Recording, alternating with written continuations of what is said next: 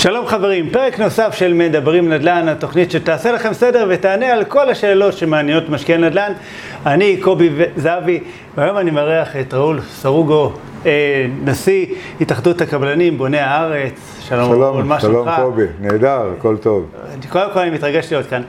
אה, אה, בכיף. אתה, ככה בהיכרות הקצרה, אתה איש מקסים, אז נראה לי שבאמת גם הולך להיות רעיון מאוד מעניין.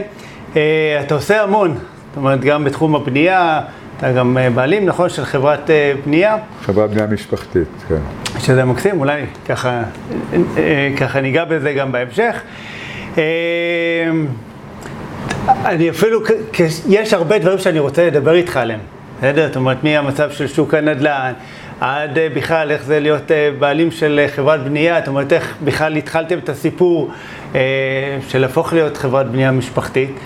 אה, וכאלה. אתה יודע מה, בוא, בוא נתחיל רגע מזה, ככה קצת מההיסטוריה המשפחתית, שאני חושב שאותי מאוד מסקרנת, ונראה לי שגם פחות אה, לפעמים מכירים את הזווית הזאת.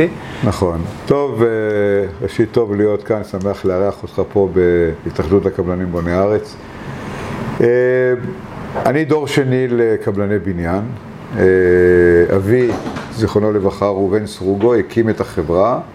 בעצם הוא הקים חברה משותפת עם האחים שלו בשנות ה-60. הם עלו לארץ מארגנטינה, מטעמי ציונות. אני הייתי ילד קטן, אה, וזה היה קצת לפני מלחמת ששת הימים, אבל אחרי מלחמת ששת הימים בישראל הייתה תנופת בנייה ותנופת פיתוח אדירה. ואבי והאחים שלו שהגיעו עם כסף לישראל, הם היו, היה להם חברה שהתעסקה גם בנדל"ן בארגנטינה, בבונוס איירס. הם באו לפה עם הון והם החליטו להקים אה, חברת בנייה, שזה היה כן. הצורך של מדינת ישראל שקלטה אה, מיליוני עולים והייתה תנופה אדירה ומצב רוח לאומי מצוין, אה, תחושה של אחרי הניצחון במלחמה. ואכן החברה הזאת קמה והתחילה לבנות בעיקר באזור בת ים וראשון לציון, זה האזור שאנחנו איפה אה, בבת ים דרך אגב? אני במקור מבת ים. אה, אנחנו באנו לבת ים והיינו, גרתי, לא, שלא תאמין, בשיכון עולים, באלי כהן 16. שכונת רמת הנשיא. אני ואלי כהן 28. יפה, אז אה, רמת הנשיא, השיכונים של תשע קומות, אם אתה נכון, נכון.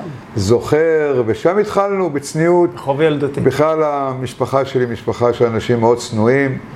אה, ולאט לאט אה, החברה הזאת קמה, אה, באיזשהו שלב אבא נפרד מהאחים שלו, ככה זה כל חברה משפחתית מהסוג הזה סופה להיפרד וזה בסדר, הדור השני כבר נכנס ואבא הקים חברה שעל שמו ראובן סורגו חברה לבנייה בעם שהמשיכה את תנופת הבנייה באזורים האלה, אזור השפלה, בת ים, ראשון לציון, נס ציונה, רחובות גם ובשנות ה... סוף שנות ה-80, תחילת שנות ה-90, אחרי שסיימתי צבא ואוניברסיטה, נכנסתי לעבודה בחברה, אה, ובמקביל גם הייתי פעיל בארגון הקבלנים בראשון לציון כחבר הנהלת צעיר, אה, ולאט לאט גם החברה המשפחתית התקדמה ובונה בהיקפים גדולים מאוד, בראשון לציון כולם מכירים אותנו, mm-hmm. לרוב חברות הבנייה מזוהות עם איזו עיר מסוימת. נכון. שהם גדלו בה, שבנו בה הרבה, יש הרבה חברות בנייה מחיפה, מהצפון, מעפולה, מרחובות, מאשדוד, מאשקלון, מבאר שבע. נכון. נגיד בבאר שבע יש את אביסרור, חברה ידועה שבונה שם, ובצפון את צמח המברמן. וב... אני לא אגיד עוד שמות, כן. אבל יש, אה, אה, אה, כל חברה יש לה את המקום שלה, והמקום שלנו היה אזור הש... השפלה. למה זה קורה? ובמקביל, במקביל גם אה, המשכתי את הפעילות הציבורית שלי וכיהנתי בארגון הקבלנים בראשון לציון, עד תפקיד יושב ראש הארגון.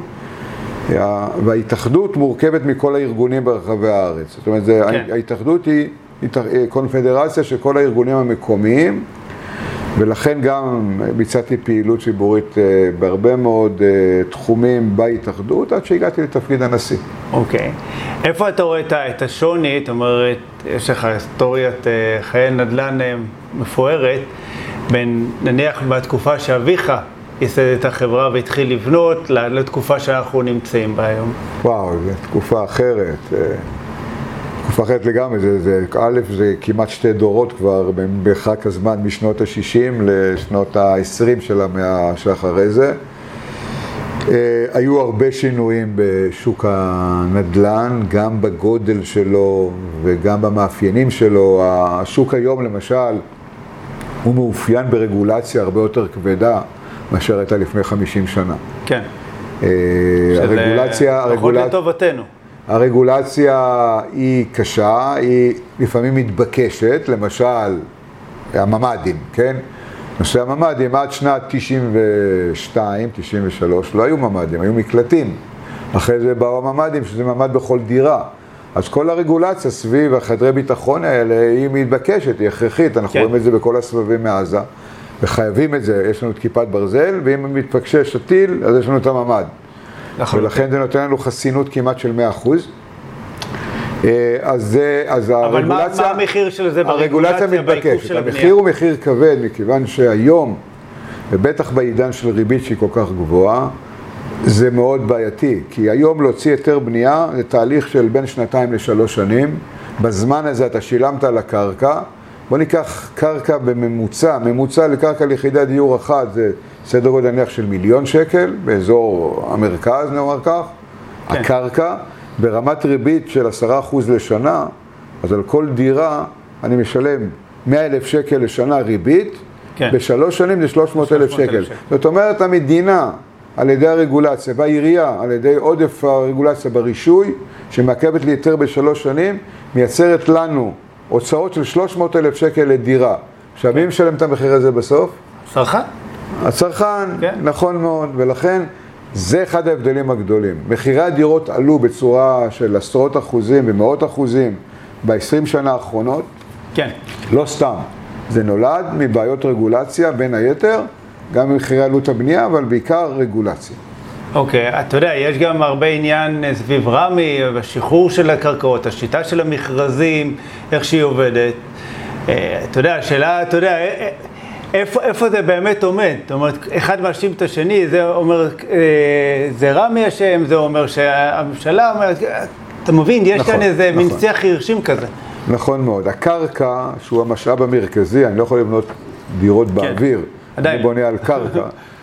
עדיין לא, אתה צודק, כן. אולי בעתיד יהיה אפשר... איך תדע, לא יודע אם בדור שלנו, אבל... במאדים לבנות דירות, כן. אה, או בחלל. אה, הקרקע היא משאב חיוני. עכשיו, 93% מהקרקע במדינת ישראל מורזק על ידי רמ"י. כן. נכון שבמרכזי הערים פחות לרמ"י יש שליטה, ופה זה קרקע פרטית, שגם בזה צריך לטפל, אבל רמ"י מחזיק ברוב הקרקע בפאתי הערים וכמובן בפריפריה.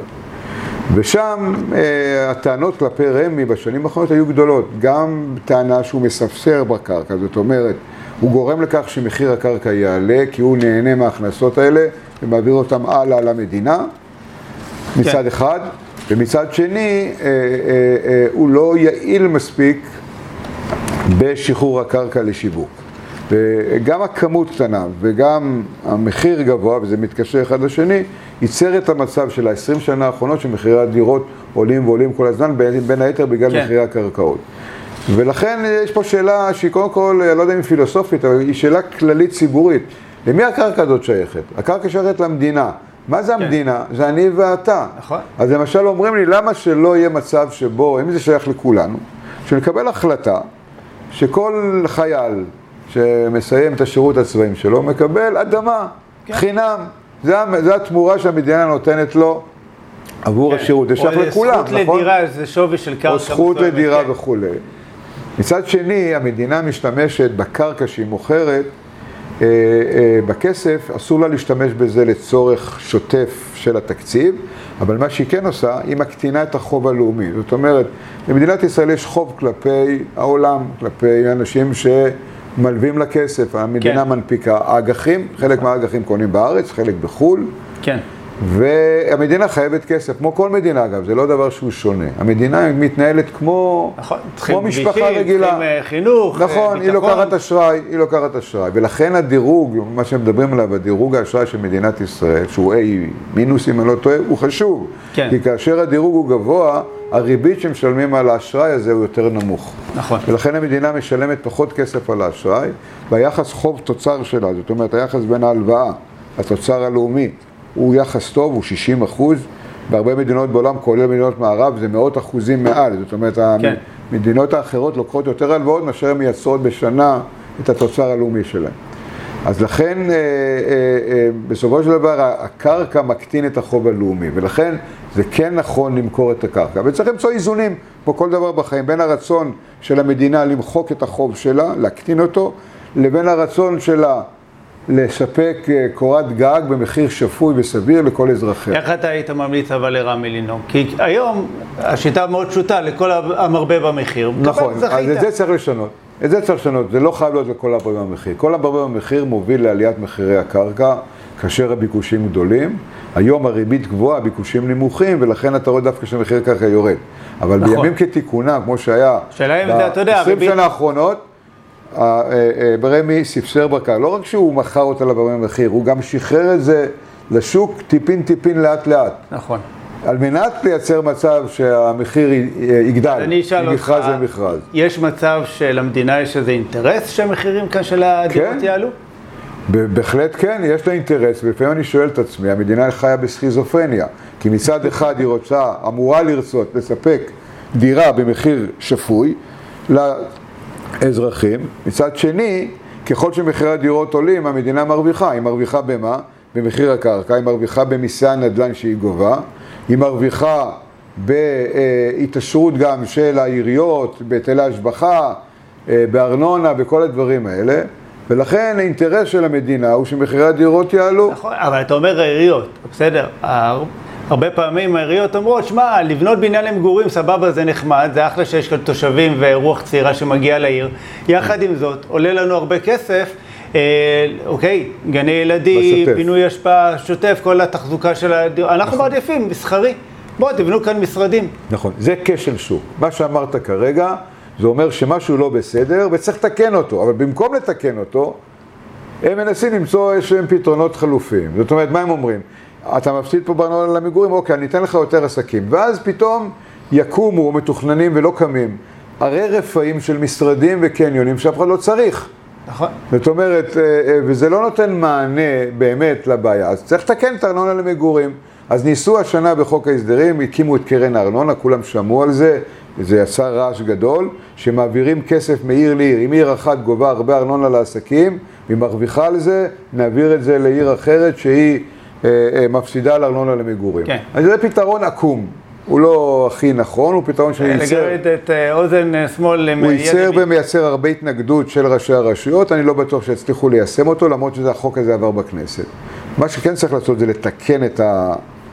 את חוק הארנונה, לייצר מצב שארנונה לעסקים יורדת, והיא לפי מחזורים, זאת אומרת, אם למשל יש קורונה ובתי המלון ריקים, הם לא ישלמו ארנונה, כי ההכנסות שלהם נמוכות. מצד שני, בתקופות שיא, שהם מלאים, בקיץ ישלמו יותר ארנונה.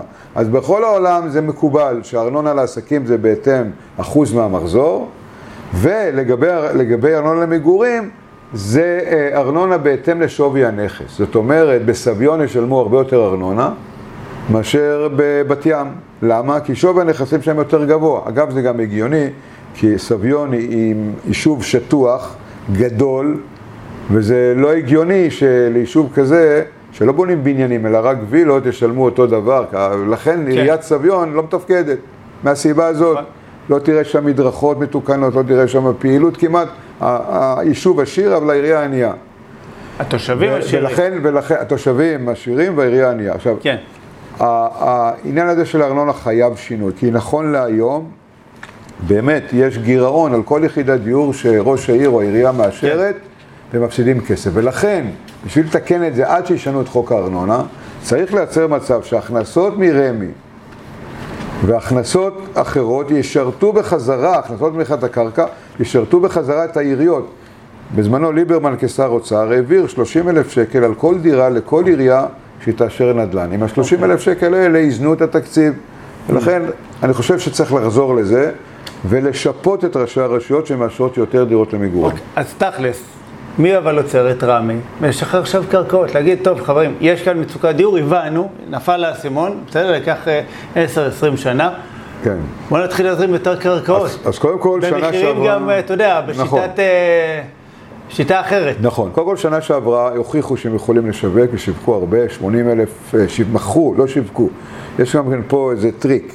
רמ"י משתמש במונח שיווק. מה זה שיווק? זה פרסום מודעה בעיתון. אבל לפעמים המודעה אומרת שאי אפשר להשתתף במכרז כי עדיין אין חוברת, זה יתפרסם בעתיד. כן. אז, אז מה זה עזר השיווק הזה? זה כלום. לכן צריך לספור עסקאות. ובאמת העסקאות שרמ"י עשה בשנת 2022 היה כ-80 אלף אה, אה, בשנת 2022, ולכן הם הוכיחו כן. שזה אפשרי. רק מה, שנה שעברה הם מכרו להם הרבה במחיר, ולכן מחירי הדירות המשיכו לעלות. צריך, א', לתכנן הרבה. זאת אומרת, מנהל התכנון צריך לתכנן הרבה קרקע. ב', רמ"י יכול לשווק גם קרקע בלתי מתוכננת לקבלנים, במיוחד לקבלנים ויזמים גדולים, שיקחו את שטח הקרקע והם יתכננו ויבצעו בעצמם את התשתיות בשכונה חדשה, מה שנקרא design build. כן. וזה אפשרי, אפשר לעשות את זה, ואז אנחנו, יזמים פרטיים, נעשה את זה יותר טוב ויותר מהר ויותר זול מאשר אה, שרמ"י עושה את זה. אה, אה, והכי חשוב זה לשווק את זה לא לשיטת המרבה במחיר, אלא אפשר ללכת למקום שני זוכה. יש הרבה... כן. אה, אה, אתה יודע, זה לקוח מתורת המשחקים. אה, כשאתה אומר שמקום שני זוכה, או זה שהכי קרוב לממוצע זוכה, אוקיי?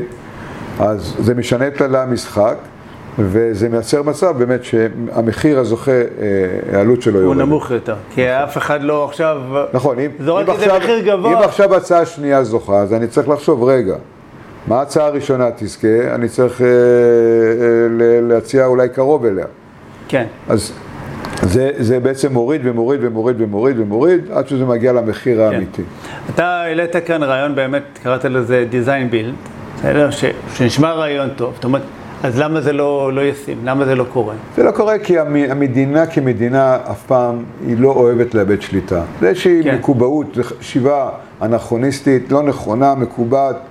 כמו שהתנגדו לרישוי עצמי, שהאדריכל יוציא לעצמו את ההיתר, ורק עכשיו זה מתחיל לתפוס. אותו דבר בדיזיין, מה, בטח הקבלן, היזם יתכנן ויבנה בהכי זול, שהכי, אה, יעלה לו הכי פחות. וזה פחות מתאים לא לציבור. אבל זאת חשיבה עקומה, למה? כי אני כיזם, אני רוצה למכור את הדירות ביוקר, נכון? למכור במחיר גן, אני רוצה לבנות כמה שיותר טוב, לתת שירות כמה שיותר טוב לדייר שלי. הדייר הוא הלקוח. כן. אני רוצה שהוא יהיה מרוצה. אם אני רוצה שהוא יהיה מרוצה ואני קיבלתי design ביד, אני אעשה את הכל שהוא יהיה מרוצה. אני אבנה גם מרכז שכונתי אה, אה, שיהיה לו קל לרדת למטה ולרכוש במכולת או במיני מרקט הדברים, וגם שיהיה לו גינה מרווחת, כי הגינה הגדולה והמרווחת זה טוב לדייר, ולבנות לגובה ולהשאיר מרווחים פתוחים, ושיהיה ירוק ושיהיה מבנה ציבור. כל זה חשוב גם כן. לי, לא פחות מאשר לעירייה. בעיניי, זה אפילו ליזם יש אינטרס שאותה שכונה שהוא מתכנן תהיה הכי טובה שיש. נכון. שהדירות יהיו בסטנדרט הכי נכון. גבוה. בעיצוב אדריכלי, שיהיה את כל הפסיליטי, אתה יודע מה, והכל, אני גם רוצה, כי זה הכרטיס ביקור שלו. נכון, ואני גם רוצה שהבנייה בשכונה החדשה הזאת תהיה ירוקה. זה רצון שלנו, אנחנו היזמים בעד בנייה ירוקה. א', אנחנו רואים מה קורה בעולם. אז מה, אנחנו... ולכן אנחנו נתכנן את זה טוב יותר. זאת אומרת, אני למשל, אם אני צריך לתכנן שכונה היום, אוקיי, ומדינת ישראל היא תשעה חודשים בשנה חום ושמש, כן. אני מפנה את כל החזיתות צפונה. אני שם את המרפסות בצפון או במערב, את, ה, את הכיווני האוויר, שיפנו לכיוונים הקרירים יותר. וזה בנייה ירוקה, זה מתחיל בתכנון.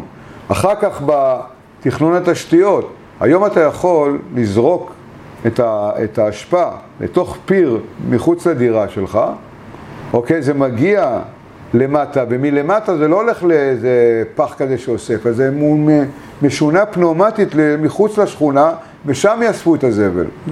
זאת אומרת, היום אפשר לעשות הרבה מאוד דברים שהם אה, אה, משדרגים, התנועה למשל, והחניות יהיו תת-קרקעיות, למעלה זה יהיה רק ירוק, אפשר ללכת לאנרגיות מתחדשות גם כן. אה, חייבים לעשות את זה. זה קטע קריטי, במיוחד היום, שאתה רואה את שמי הארץ מתכסים בהמון מגדלים. וזה, מצד אחד סבבה, זה נחמד, זה הקדמה, ו- וזה גם נחוץ במדינת ישראל, שעתודת הקרקע מאוד מאוד נמוכה. מצד שני, תקשיב, לצאת משכונה היום בישראל, זה כמו בני ישראל שחצו את המדבר. זה, זה, נכון. אתה חייב מזגן טוב באוטו, ואחלה פודקאסט. נכון, זה כן, זה יש לנו אוקיי, כבר, פודקאסט שלך. כן. אה, תראה, אין ספק שהתשתיות הן חשובות מאוד, תשתית תחבורתית טובה. מדברים על המטרו, מדברים על הרכבות הקלות, זה, זה צעד בכיוון הנכון, רכבים חשמליים, אה, אה, אה, תנועה במפלסים, ואני אגיד לך גם יותר מזה, צריך לתכנן את הערים כך ולשנות את התוכנית, וזה קשה. לכן אנחנו טוענים שבשביל לספק את הצרכים של מדינת ישראל לעוד 30 שנה, צריכים לבנות כאן ערים חדשות. עכשיו, הערים המטרופולינים, אחד בדרום ואחד בצפון, החדשים, צריכים להיות 15 minutes walk. מה זה 15 minutes walk?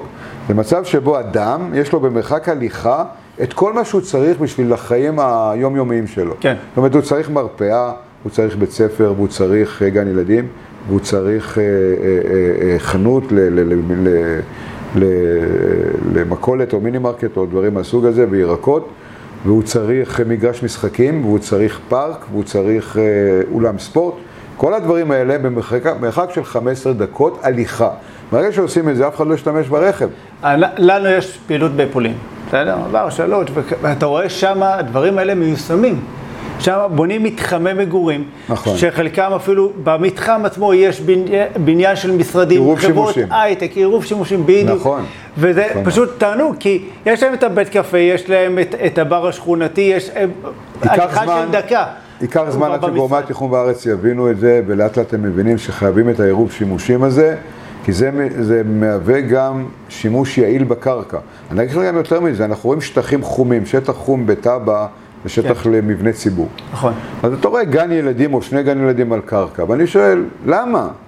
למה לא אפשר לבנות על הקרקע הזאת של העירייה מגדל של עשר קומות, כאשר ארבע קומות ראשונות שם זה גני ילדים, אחרי זה עוד ארבע קומות בית ספר, ואחרי זה למעלה מעון לקשיש, טיפת חלב ומשרדים או ספרייה לזהו. אוקיי. למה? למה? זה דבר שהוא מקובל מאוד. זה בגלל מקובעות, מקובעות מחשבתית של גורמי התכנון, שהם לא מבינים שצריך להשתמש טוב יותר ונכון יותר בקרקע. לאט לאט הרשויות מתחילות להבין את זה, ואנחנו רואים בתי ספר היום שנבנים לגובה, לבניינים של 12 קומות, אה, וכאשר בקומה ה-10 וה-11 יש אולם ספורט של הבית ספר. אוקיי. איפה יש דבר כזה בישראל? לאט לאט ראינו את הגימנסיה הרצליה, גימנסיה הריאלית בראשון לציון שמוקמת, בעוד מקומות אוקיי. אחרים נבנה לגובה. בעיניי, אחד הכשלים מבחינת תכנון במדינת ישראל, ותקן אותי אם אני טועה, כי אתה קצת יותר מקורב אה, למקבלי ההחלטות, זה שכל אחד דואג ורוצה לגזור את הסרט. זאת אומרת שאותו רעיון שהוא מביא לשולחן, יהיה עוד בקדנציה שלו, שיישא פירות. זה נכון, זה נכון. ואז אנשים- ככה אנחנו לא מתקדמים, כי נכון מאוד. כאן שלל אתה- רעיונות מאוד מאוד יפים, מאוד יצירתיים, מאוד אה, מתקדמים אפילו, והם לא מופרכים, זאת אומרת, זה... אתה, אתה צודק לגמרי, צודק לגמרי. אה, אה, מתי אני יודע ששר מקבל החלטות נכון? שהוא אומר שמי שיהנה מהפירות של מה שאני עושה עכשיו זה השר שיבוא אחריי. כן. אז אני יודע שהוא באמת אה, קיבל החלטה ארוכת טווח ונכונה. אה, ואנחנו ראינו שניסיונות, כל הניסיונות ב-15 שנה האחרונות, ובאמת בלי להיכנס לפוליטיקה, כל הממשלות, אוקיי? כן. פעם אחר פעם ניסו לפתור את משבר הדיור, כאן ועכשיו, מהיום להיום. וזה לא עובד ככה, כי אז זה הכריח אותם להתעסק בצד הביקוש במקום בצד ההיצע. ואנחנו ראינו למשל את אה, כחלון, שהוא השר היחידי, לזכותו ייאמר, כשר אוצר שם את הנדל"ן בראש מעייניו. אמר, כן. זה מה שאני מטפל. הוא בא משר התקשורת, להיות שר אוצר, מפלגת כולנו, נכנס להיות שר אוצר, לקח את כל הגורמים, רמ"י עבר למשרד האוצר, מנהל התכנון עבר למשרד האוצר, הוא הקים את מטה הדיור, עשה את כל הצעדים הנכונים לנהל את העסק הזה נכון. אנחנו כבר שנים דיברנו על זה שאנחנו צריכים את מיניסטריון הבנייה, לרכז את כל הסמכויות, כי היום זה, זה מחולק למשרד הפנים, למשרד האוצר, למשרד השיכון, למשרד הכלכלה, כל מה שקשור לדיור מתחלק, ואז כל אחד מושך את השמיכה לכיוון שלו. אז, אז, אז כחלון עשה את זה טוב, רק מה? הוא הלך על מחיר למשתכן, אמר, זה הפתרון. והשקיע בזה מיליארדים. להגרלות. השקיע בזה מיליארדים וזה לא עזר. גם ההגרלות לא עוזרות, גם מחיר מטרה לא עוזר. כל התוכניות הללו שאתה רואה, הן תוכניות שבמקרה הטוב זה סוג של דיור בר השגה. כן. זה לתת לצעירים, מה שאמרנו, למשוחררי צה"ל, דירה. כן. דירה במחיר שפוי, מחיר סביר, על חשבון המדינה. המדינה עושה שם הרבה הנחות על הקרקע, אבל על חשבון היזם שחוסך את הרווח היזמי שלו. אבל זה לא טוב למשל היום, היזמים לא נכנסים לזה, מכרזים נכשלים פעם אחר פעם בגלל הריבית, ולא נכנסים למכרזים של מחיר מטרה. והדבר הכי חשוב, זה לא עזר בסוף, אז אוקיי, כמה עשרות אלפי זוגות צעירים זכו בדירה במחיר שפוי. 78 אם אני לא טועה. קראתי נכון, נגיד כמה 100 אלף. אלף. 100 בסדר? אלף, יאללה. פרגן. אבל חלקם בכלל קיבלו את הדירה במקום אחר. בדיוק. הם הפכו להיות משקיעים בעל הפכו להיות כורחם. משקיעים בעל כורחם, קיבלו דירה בעפולה, משכירים אותה ושוכרים בתל אביב, וזה לא, פתר? וזה לא פתר את המשבר, כי פתרון המשבר הזה, וזה, כולם אומרים את זה, אבל אף אחד לא מיישם את זה, זה פתרון של בעיית ההיצע. אם אנחנו נבנה 100 אלף דירות כל שנה, מחירי הדירות ירדו, כן. לאורך זמן. היום מחירי הדירות נעצרו ואולי אפילו יורדים ב-0.2-0.3% בחודש בגלל הריבית הגבוהה. אבל הריבית לא ייצרה אפילו דירה אחת נוספת. ומה יקרה בתקופה הקרובה? אני לא יודע מתי הפודקאסט אה, הוא ישודר בימים. הקרובים, אם זה אבל בימים הקרובים אז זה בסדר. אנחנו כרגע אה, ב... אה, כרגע, כרגע אנשים עלו על הגדר. כל אותם רוכשי דירות שצריכים דירה, זקוקים לדירה. יש 50 אלף בתי אב חדשים כל שנה. יש 20 אלף גירושים ויש עולים חדשים. בשנת 2022 היו 90 אלף בתי אב חדשים שמורכבים משלושת הסגמנטים האלה. חתונות, אנשים מבוגרים יחסית, בני 30 ומעלה, שיוצאים מהבית ומשכירים דירה, זה נקרא בית אב חדש, כן. וגירושים. כל זה ביחד זה בין 70 ל-90 אלף בכל שנה. זה ביקוש קבוע. כן. עכשיו, אם הם לא קונים דירה, אז הם בעצם על הגדר, הם מחכים, הם מחכים שהריבית תרד, או שיקרה משהו. עכשיו, ברגע, אני אומר לך, בשנייה שהנגיד יתחיל להוריד את הריבית, או יודיע שזהו, נגמר על- אה, עליות הריבית, כן. ייקח עוד כמה חודשים ואז נתחיל להוריד. אנשים יבינו שהריבית הולכת לרדת, מה הם יעשו? הם יחזרו לשוק. ירוצו. עכשיו, כשהם יחזרו לשוק, השאלה איזה היצע הם ימצאו. והיום היצע הדירות נחתך ב-47 אחוז. נכון. זאת אומרת, אנחנו היום בונים, במקום לבנות 80 אלף, אנחנו בונים 40 אלף, 50 אלף. זה רע, זה גרוע. זה אומר שמחירי הדירות יעלו בטווח הקרוב. זה אומר שמי שצריך דירה היום, כדאי שיקנה דירה היום ולא יחכה. את זה לא אני אומר, אוקיי? זה נשיא, אוקיי? נכון, אני, אני היחידי, אומר, אני היחידי שאומר את האמת לאנשים בפנים, וזהו. ברגע שאנחנו בונים פחות, זה אומר שאנחנו דוחים את הבעיה, לא פותרים אותה עדיין.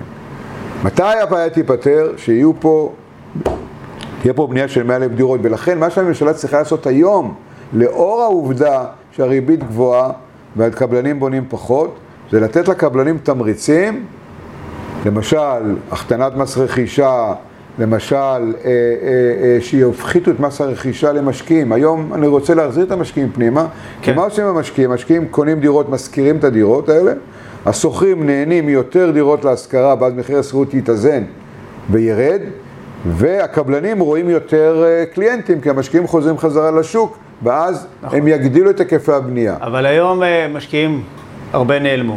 נכון. אתם צריכים אנחנו לשלם רואים 10% מחסור מס רכישה.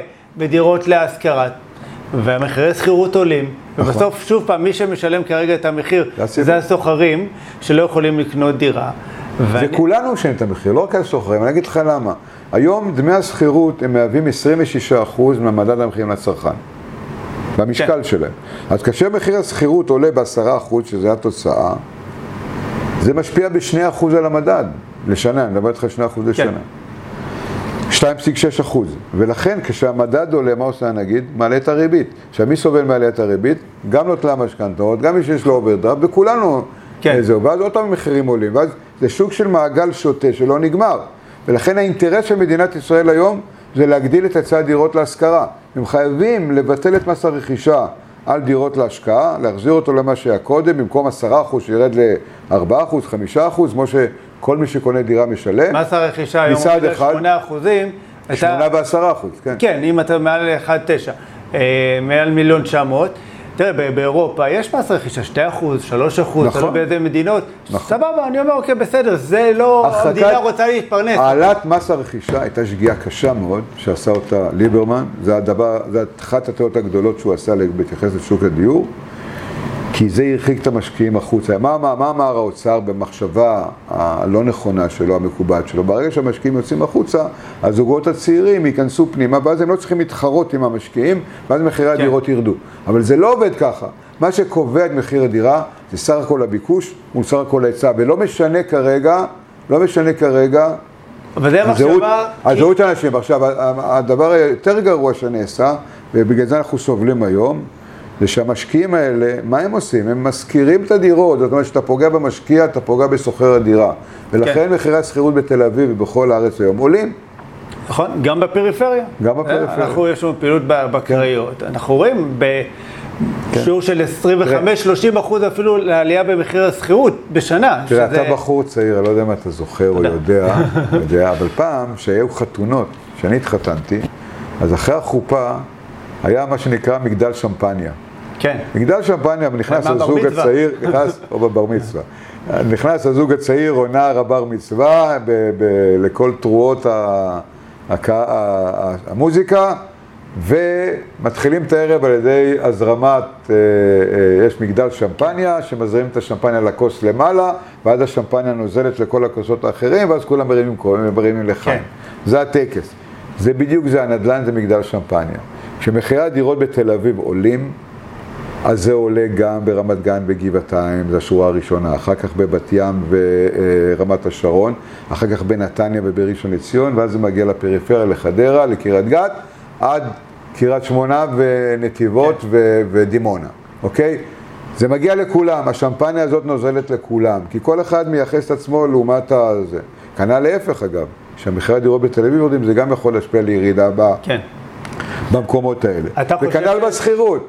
השכירות בתל אביב היום זה לדירת שני חדרים 8,000 שקל. אתה חושב מטורף. שאנחנו באמת נראה כאן ירידות מחירים אמיתיות, לא עכשיו אה, 0.2 אחוז, שבינינו, אתה יודע, זה, ספ... זה ספקולציה. אז קצת החודש קנו פחות. לא, והכל 0.2 זה. אחוז זה ירידה קלה, מכיוון שבדיוק להפוך ממה שהאוצר חושב, והוא מצהיר על זה בכתבות בתקשורת, הקבלנים לא בלחץ. דירות חדשות ירדו, הדירות החדשות ירדו קצת יותר ב-0.6 אחוז, אבל הם לא בלחץ, אני אגיד לך למה הם לא בלחץ, כי 60 אחוז מהדירות החדשות שנמכרות הן דירות על הנייר. once אנחנו מוכרים את הדירות שאנחנו חייבים למכור על הנייר מבחינת הליווי הבנקאי, אני לא בלחץ למכור דירות. מכרתי את מה שצריך, הליווי עובד, יש לי אשראי, אני מתקדם בבנייה, אני לא מתחיל פרויקט חדש עד שאני לא אמכור פה 50 אחוז. והריבית לא חונקת אותך? הריבית אה, יכולה, יכולה לחנוק, אבל אם מכרתי את המינימום, שזה בערך 40-50 אחוז מהפרויקט, אז התקבולים של הדיירים מכסה את העלויות, ולכן לרוב לא תהיה אה, באשראי. אה, בטח אם זה מדובר על עסקת קומבינציה או עסקת פינוי-בינוי או תמ"א 38, שאתה לא מוציא הרבה כסף על הקרקע. כן.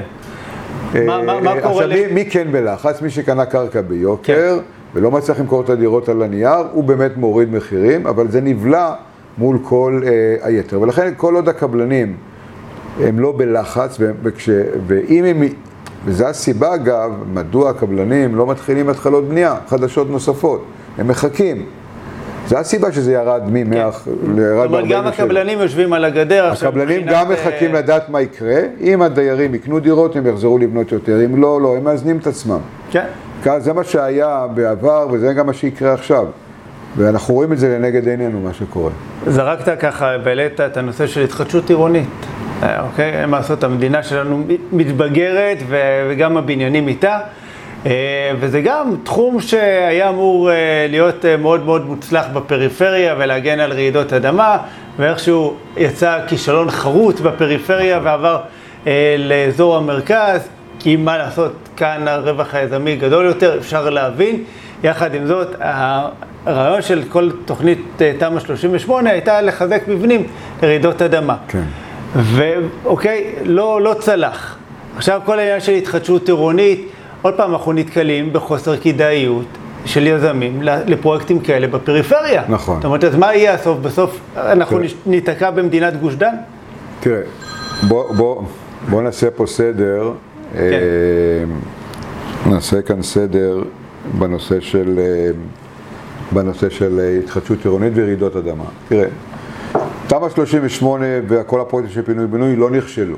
הם הצליחו, אבל באמת באזור המרכז. באזור המרכז. כן, זה נכון, אני, אני אבל- מדבר אבל- כישלון, אוקיי, לגבי אזור הפריפריה. רגע, שנייה, שנייה. אני- אני רוצה להגיד משהו שהוא מאוד חשוב.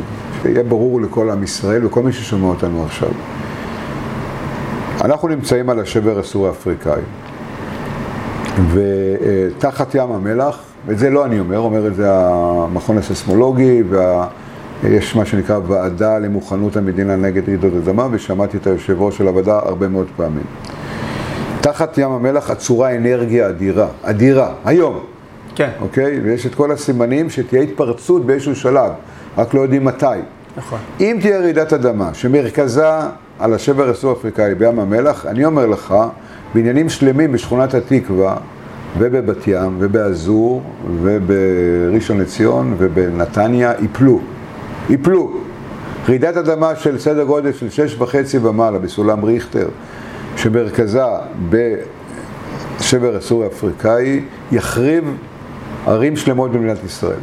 ולכן הסכנה, ברור, המיידית, היא מי שנמצא על השבר הסורי-אפריקאי בעצמו, אבל גם במישור החוף הסכנה קיימת. ולכן כן. טוב שעשו את תמ"א 38 ושחיזקו בעניינים ושהרסו ובנו מחדש. זה אחד. לא, זה, זה מבורך. זה מבורך, זה אחד, וזה הצלחה. הכישלון הוא באמת בפריפריה, בערים כמו, ונלך מצפון לדרום, מטולה, קריית שמונה, צפת, טבריה, בית שאן, אה, ירושלים אפילו, ערד, עד אילת. כל האזורים האלה, הם נמצאים ממש על השבר, וכאן רעידת אדמה גם פחות משש וחצי יכולה לפגוע בהם קשה. ואני אומר לך, האסון האפוקליפטי שעלול להתרחש עלינו הוא כבד ממדים. כן. זה משהו שבהיסטוריה של מדינת ישראל לא חווינו. זה קורה פעם במאה שנה וכבר עברו מאה שנה מאז הפעם האחרונה שהיה.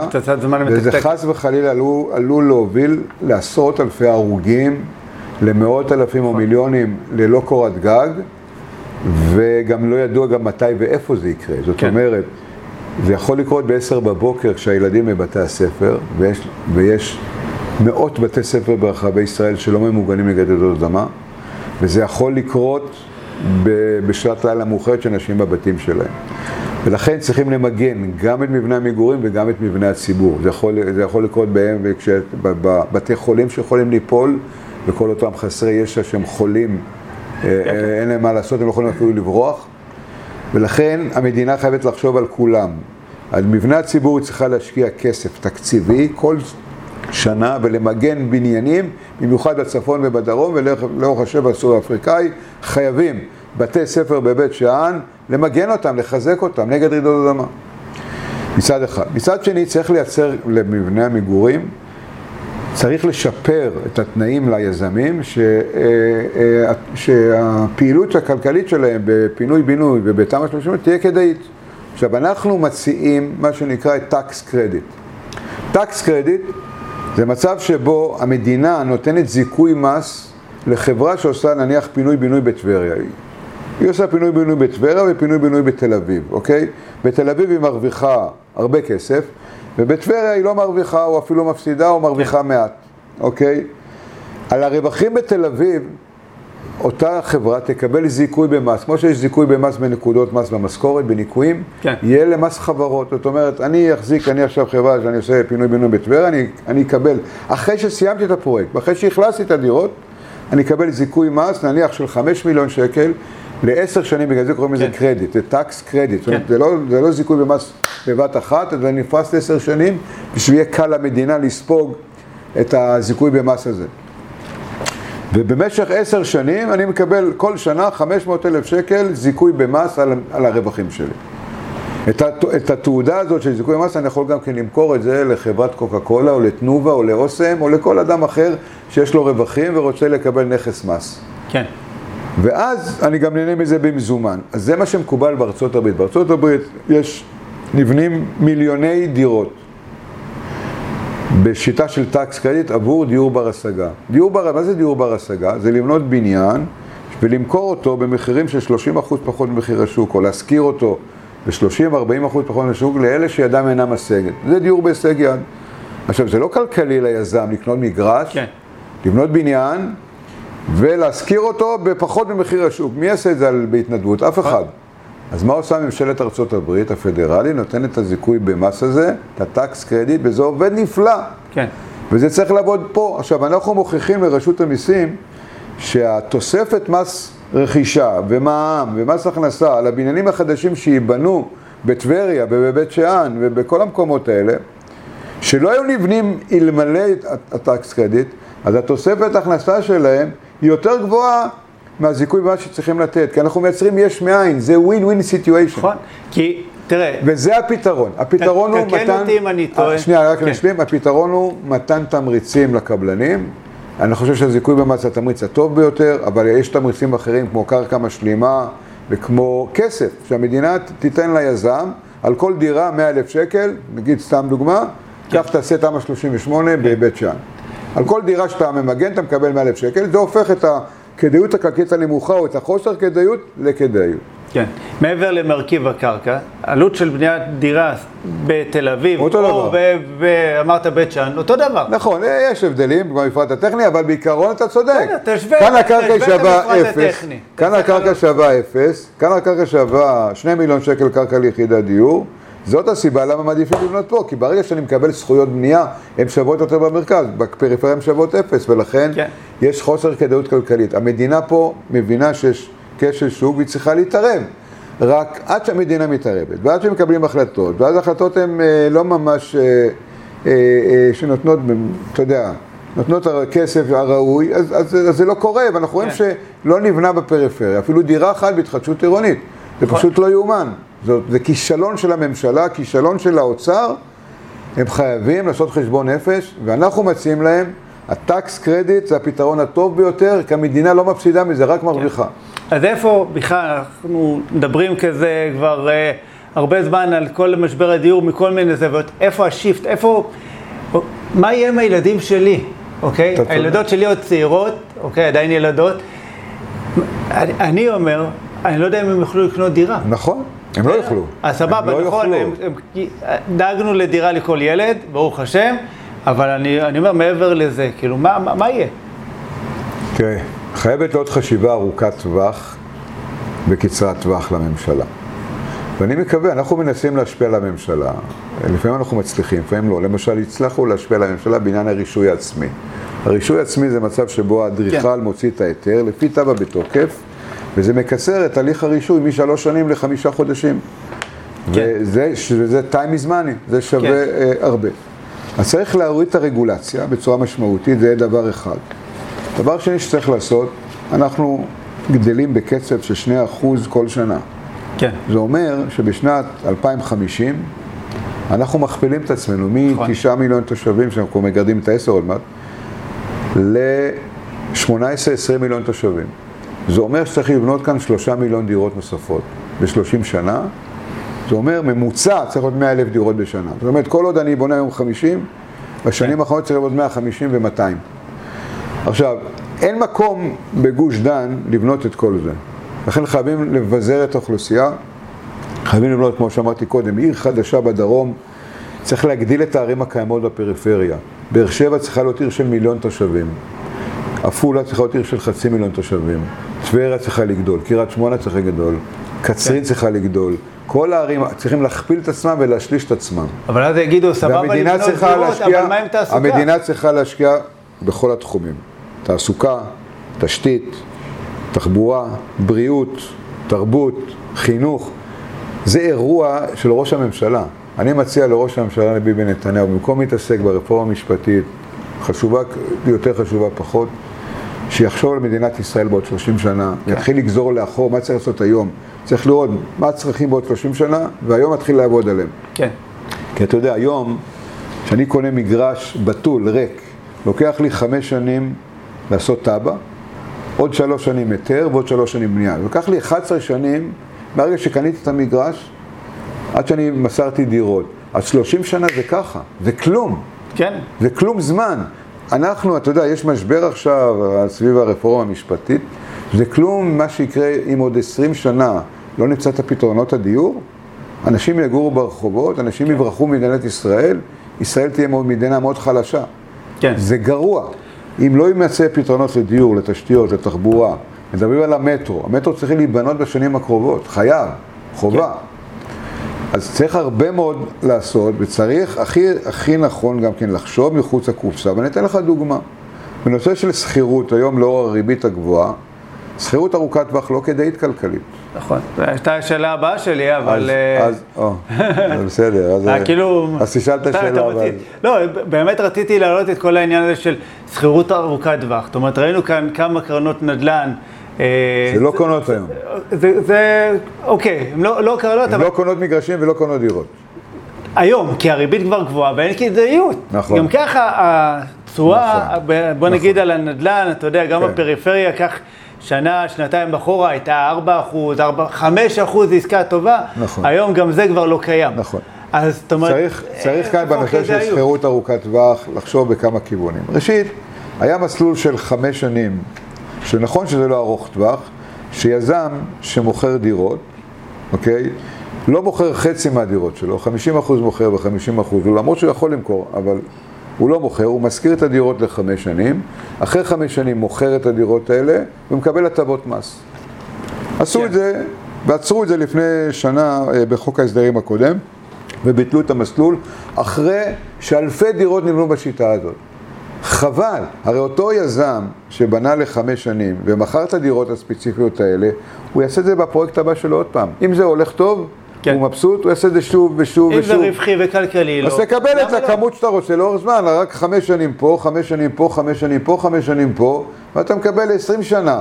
כן. מי אמר שזה חייב להיות באותו מקום עשרים שנה? זאת אומרת, היום גם כשזוג צעיר משכיר דירה, שוכר דירה, זאת אומרת, כן.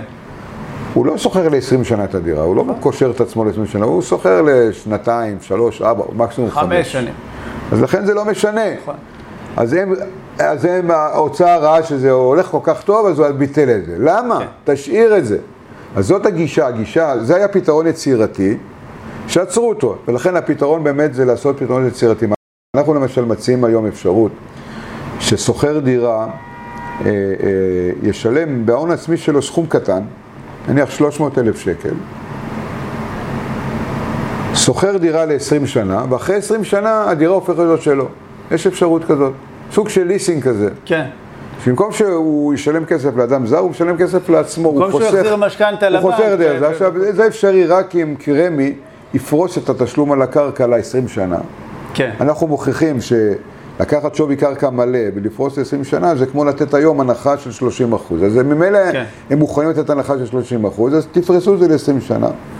והקבלן רק יבצע את הבנייה עם הרווח קבלני. אז זה למשל חשיבה מחוץ לקופסה, זו תוכנית שאנחנו עומדים להשיק אותה אגב, שמייצר אה, אה, אה, יש מאין, וזה מה שהאוצר צריך לעשות.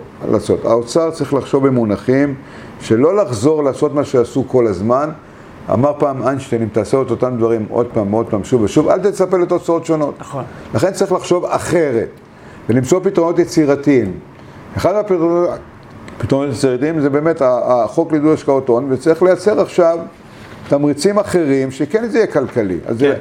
זה, כרגע זה לא כלכלי. אתה חושב נראה... שאנחנו נגיע לנקודה כזאת שאנשים לא יוכלו לקנות כבר דירות בישראל, כי לפחות בגוש דן. כן, אם המצב ו... ימשיך ככה. כן, ונראה כאן באמת כמו מיגורית וכל מיני כאלה בניינים שלמים שנבנים על ידי יזמים, רק לשכירות לטווח ארוך. המחירים בראשון לציון למשל, לפי, לפי חשבונות מהשבח, אני לא אומר פה משהו שאסור לי לומר.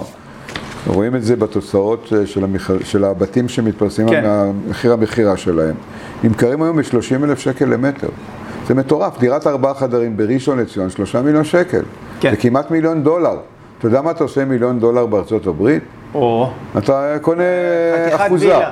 אחוזה או וילה. כן. זה לא יכול להיות שדירת ארבעה חדרים תהיה מחיר של וילה או אחוזה במיאמי. נכון. לא ייתכן דבר כזה, זה לא הגיוני. היום אני יכול להגיד לך שגם דירות שלושה חדרים עולות כמעט ובשדה דוב אנחנו צפויים למחיר של 7 מיליון שקל אה, דירה. אז מי יכול לקנות דירות כאלה? זאת אומרת, כמה עכשיו נכון. אנשים עמידים, לא רוצה, אתה יודע, להגיד נכון. הייטקיסטים, רופאים. כל עוד ההייטק עבד טוב, היה כנראה כאלה שמוכנים לשלם. נכון, אבל ההייטק כרגע... ההייטק היום מדשדש, ולא לעולם חוסן, ויש כן. באמת תקרת זכוכית שאי אפשר להגיע אליה, מה שיקרה... זה שרק עשירים יוכלו לקנות דירה, ויותר מזה, הקבלנים יבנו הרבה פחות. זאת כן. אומרת, מה, מה שקורה זה שהציבור יקנה פחות דירות והקבלנים יבנו פחות. זאת אומרת, כל השוק הזה של הדיור מצטמק, המדינה מפסידה הכנסות ממיסים, ומיליוני אזרחי מדינת ישראל אין להם איפה לגור, ולכן יהיה פה משבר כן. כלכלי חברתי גדול, או ירידה מהארץ, או אה, הפגנות, או הומלסים, או הכל, גם זה וגם זה וגם זה. ומי שחושב, מי שחושב שהפתרון יהיה, יבוא מאליו, הוא טועה. כן. ולכן הכל נמצא לפתחה של הממשלה לביצוע, ובינתיים לצערי הרב הממשלה עסוקה בדברים אחרים ולא ביוקר המחיה ולא בשוק הדיור. זה חבל. אני, אה, שאלה אה, על אותו נושא בכיוון הפוך, אנחנו מדברים על זה שיש מחסור ביחידות דיור והכול, מצד שני מתפרסמות כתבות שיש כ-50 אלף יחידות דיור שעדיין לא נמכרו אצל יזמים. או משהו כזה, זאת אומרת, איך זה מסתדר בהלימה? נכון, ראשית, זאת אחת הסיבות למה הקבלנים עצרו את הבנייה. כי הם, יש להם מלאי דירות לא מכור, בתהליך או בסיום, והם לא מוכרים, לכן הם מחכים רק אחרי שנמכור. עכשיו, המספר הזה מטעה. 50 אלף דירות זה דירות שלא מכורות, שנמצאות בתהליך של בנייה, מתוך 170 אלף דירות שנמצאות בבנייה. ונכון לרגע זה, יש 170 אלף דירות בבנייה בתהליכים שונים של ביצוע, כן. חלק בהתחלה, חלק באמצע, חלק לקראת הסוף. מתוך 170, 50 לא מכרו, זאת אומרת רק 30 אחוז, פחות מ-30 אחוז. כן. זאת אומרת, זה לא, מבחינת הקבלנים זה לא נורא, אוקיי? 30 אחוז לא למכור זה בסדר. הקבלנים יתחילו ללחץ שהם יגיעו לסוף הבנייה ועדיין לא מכרו, ואז הם מתחילים להוריד מחירים, אבל בינתיים זה לא קורה. אז לכן זה מסתדר. יש כרגע 50 אלף דירות לא מכורות, ויש 200 אלף שרוצים לקנות את הדירות האלה, אבל הם לא קונים בגלל המשכנתה. כן. אתה מבין, יש פה מצב שזה רוצה למכור ולא יכול למכור, וזה רוצה לקנות אבל לא יכול לקנות. ולכן, זה המצב כרגע של סטגנציה ושל קיפאון בשוק. כן.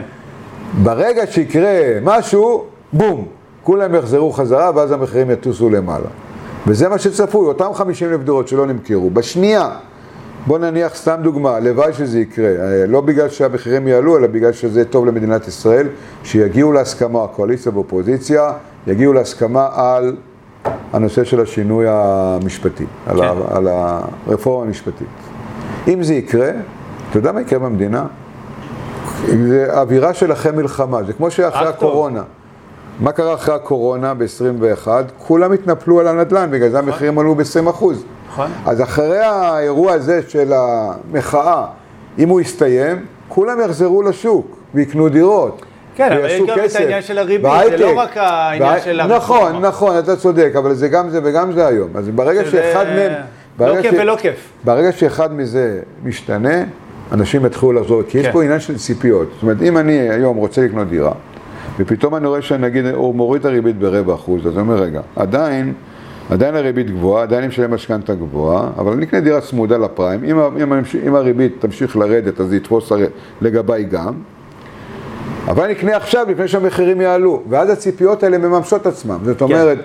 לפעמים צריך גפרור בשביל להדליק אש. אז הגפרור הזה של הורדת ריבית יכול להצית מחדש את השוק, כל אותם אלה שמחוץ לגדר, אה, אם זה מעל הגדר, יחזרו לשוק וימצאו רק 50 אלף דירות לא מכורות ועוד היצע מדלדל של 40 התחלות, 40 אלף התחלות בנייה, ולכן אנחנו נראה שוב עליות מחירים. אני רוצה להיכנס לעולם היזמות, אוקיי, לבנות. מה, למה אני צריך להיערך? ברמה נראה לי אפילו המנטלית, אוקיי? מעבר לזה שלהגיע עם אה, לא מעט כסף, זה נראה לי תראה, ברור. תראה, להיות יזם נדל"ן, בראש ובראשונה, בראש ובראשונה אתה צריך להיות אדם אופטימי. כן. זה, זה, זה, אם אתה אדם פסימי, אתה, אתה, אתה לא נמצא במגרש הלא נכון. אחד. שניים, מכוח האופטימיות הזאת אני כבר אומר שענף הבנייה זה הענף שהכי יצמח במדינת ישראל בשלושים שנה הקרובות, מהסיבות שאמרתי קודם. כן. אנשים נולדים, משפחות גדלות, קצב הבנייה יעלה, זה הענף שיצמח הכי הרבה מכל הענפים האחרים. כן. גם התיירות תצמח, אני גם צופה בו גם הצלחה. זאת אומרת, לבנות בתי מלון היום זה גם טוב. אבל ענף הבנייה למגורים יצמח בצורה בלתי רגילה. אז לכן כדאי להיכנס לתחום, אתה צריך להיות אופטימי, אתה צריך להיות בעל הון, בלי כסף לא תצליח. ענף הזה כמו ההייטק, הם ענפים מאוד דומים, יש להם סיכונים והם רוויי הון. אתה צריך להיות בעל הון אישי שלך, אם זה, אתה גדל ואתה מצליח להנפיק את החברה שלך בבורסה או לייצר אה, משקיעים שבאים מבחוץ כמו גופים אה, מוסדיים, חברות ביטוח, דברים כאלה, זה גם טוב, אבל אתה צריך הרבה כסף. אה, אתה צריך בעל חושים חדים לגבי מה שקורה, אתה צריך להכיר את השוק, להבין את השוק, אתה צריך יועצים טובים, עורכי דין, רואי חשבון, שמאים.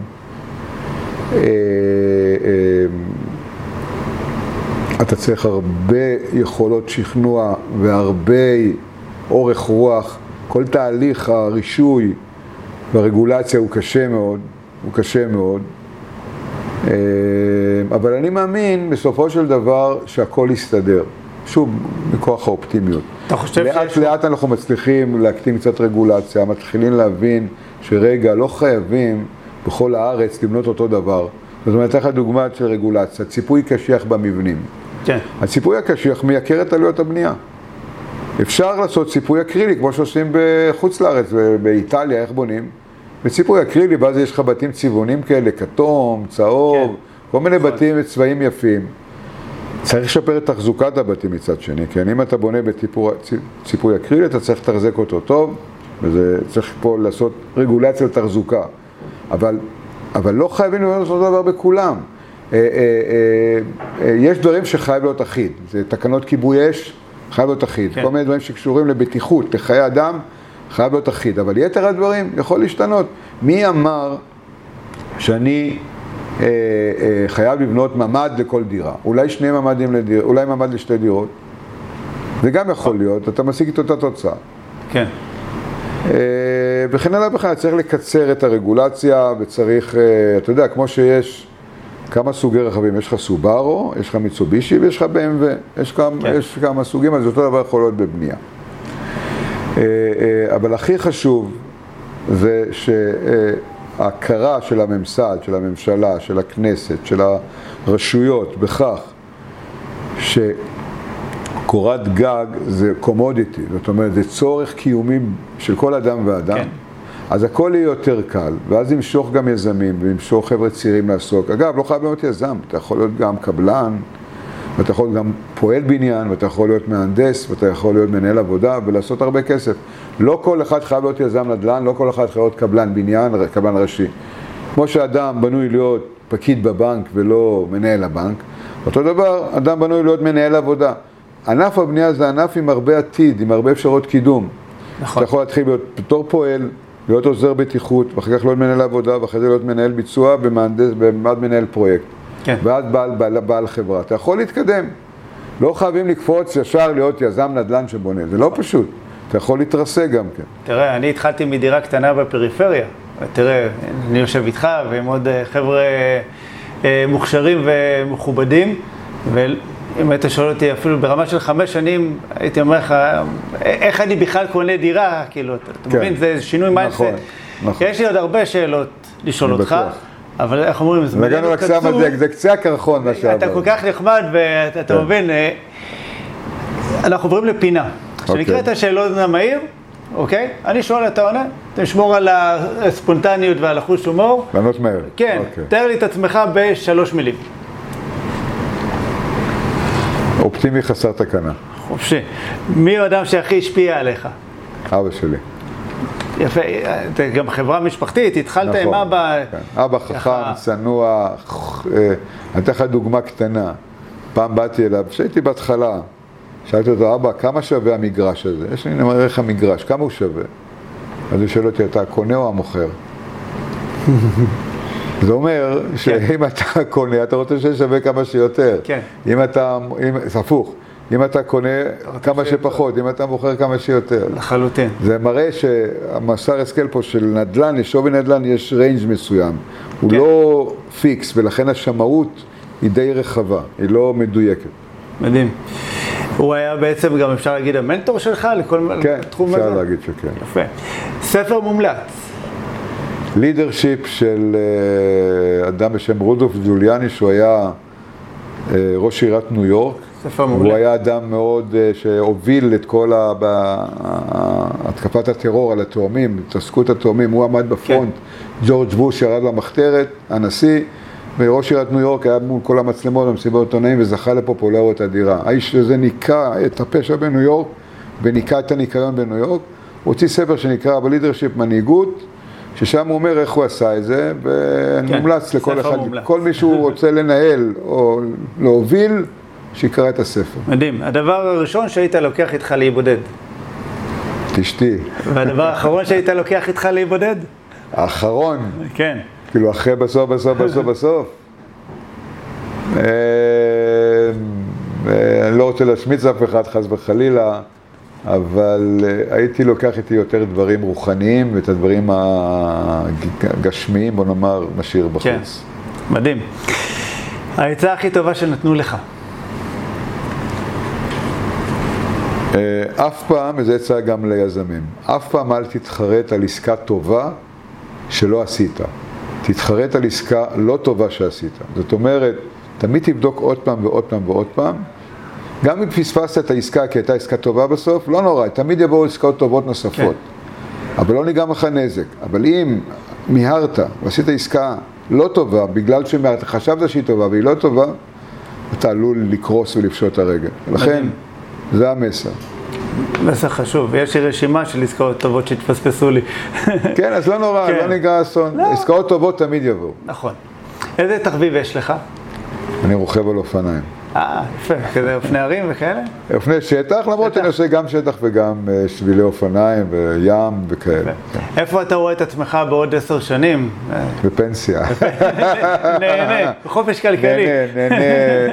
עבודה, ומתקשר כן. למי שרוצה להיות יזם, יזם וקבלן, זה לחץ מנטלי יומיומי. כן. לחץ, יש כל הזמן לחץ, מכל מיני סיבות. ואתה יודע, אני חושב על היום שאחרי שלא יהיה לי את הלחץ הזה, אז לכן אני נותן לעצמי עוד עשר שנים לעבוד ולצאת לפנסיה. תענוג. אם היו עושים סרט על החיים שלך, לאיזה ז'אנר הוא היה שייך? טרג, טרגדיה, אני מניח, אני לא מקווה שלא, קומדיה גם לא, אני חושב דרמה. דרמה, יפה. לאן היית הולך אם היית בלתי נראה? שאלה בעייתית קצת. אה. הייתי רוצה להיות ב... זה תלוי. באופן כללי, אם היית שואל אותי, להיות בחדר הסגלגל של אה, הבית הלבן, לראות נשיא ארצות הברית, הסדר יום שלו, מה הוא עושה, איך הוא זה, איך הוא מקבל החלטות. אתה יודע, זה איש שהוא מוביל את העולם, אבל היום הייתי רוצה להיות דווקא אצל פוטין, אצל פוטין. ברוסיה. לראות, אני לא מבין את האיש הזה, לא מבין איך הוא מנהל את עצמו. את ה- מה הוא גורם, ושם כן. הייתי רוצה להבין וללמוד מזה מה לא לעשות. מדהים. כמה זמן לוקח לך להתארגן בבוקר? הרבה זמן. הרבה זמן. אתה לוקח את, את את הבוקר ב- בצ'יל. נכון, הבוקר זה הזמן היחידי שיש לי, אני קודם כל עושה סודוקו כל בוקר, סודוקו קשה מאוד, ובלי לסמן לעצמי את האפשרויות, אתה רואה את הסודוקו נקי כאילו מילאתי את המספרים. אה, זה תרגול של המוח, אז זה מעיר אותי ככה על כוס קפה, אחר כך מתארגן ויוצא למשרד, יוצא למשרד. אה, לא טלפונים וזה, אתה ככה, אז כאילו, אתה קם ממש ממש מוקדם?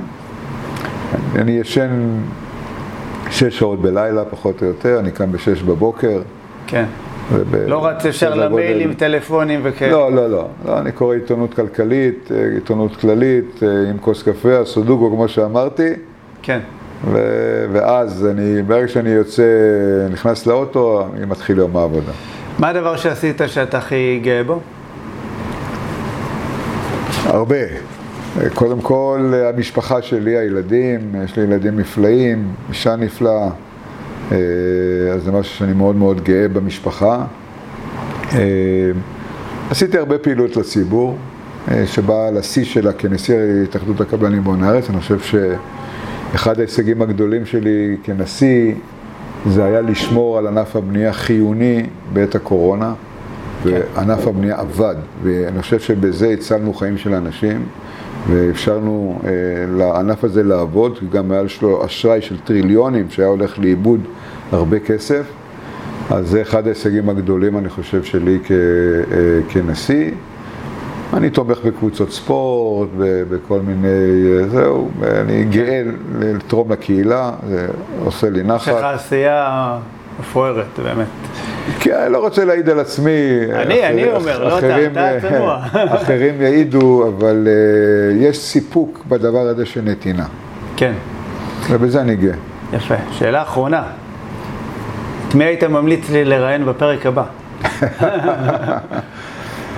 אה, וואו, שאלה מצוינת. אם אה, מדובר בענף הבנייה, הייתי ממליץ לך אה, לראיין את השר סמוטריץ', או מישהו בכיר במשרד האוצר, ולשאול כן. אותו למה אתם לא עושים מה שראול מציע לעשות. יאללה, יש לפתור, פרוטקציות לקשרים. בשביל לפתור, את, ה, לפתור את, ה, את משבר הדיור, אז באמת, זה צריך להיות, אם אנחנו מדברים על ענף הדיור, מהצד השני של המתרס, כן. מהצד הציבורי, מצד, זה יכול להיות ראש רמ"י, זה יכול להיות ראש אגף תקציבים, זה יכול להיות שר, שר השיכון, מנכ"ל השיכון.